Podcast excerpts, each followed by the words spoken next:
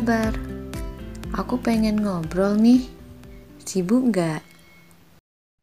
Alhamdulillah, aku sehat.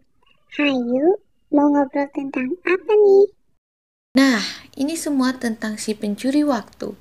Perkembangan teknologi yang pesat memudahkan kita dalam bekerja, mengakses segala informasi, dan melakukan aktivitas sehari-hari.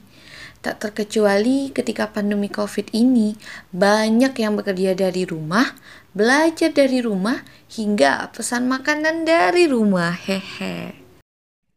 Wow, ternyata teknologi sudah mendominasi ya. Sama seperti doi mendominasi di hati ini. Hehehe. Salah satu teknologi yang banyak digunakan adalah gawai. Bener nggak tuh? Bener banget tuh. Gawai memberikan akses internet untuk bersosial media, berkomunikasi, serta mencari informasi di mbah Google. Wah kakak, banyak yang dapat kita temuin nih. Tapi tahukah sobat apa efek kecanduan gawai? Lah, mana saya tahu? Saya kan ikan.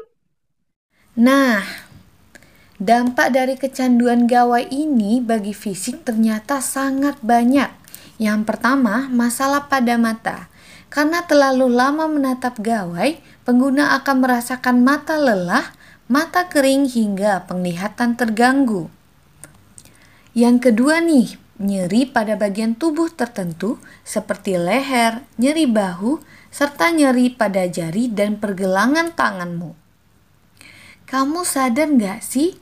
Ternyata gawai itu merupakan sarangnya jutaan kuman Ih, sehingga lebih beresiko terkena infeksi serta pola tidur yang kurang baik akan meningkatkan resiko obesitas, diabetes, dan penyakit jantung. Serem juga ya.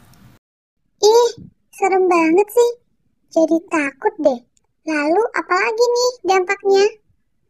Selain itu juga ada nih efek psikologisnya yang dirasakan yaitu menjadi lebih mudah marah dan panik stres, sering merasa kesepian kayak kamu, hahaha.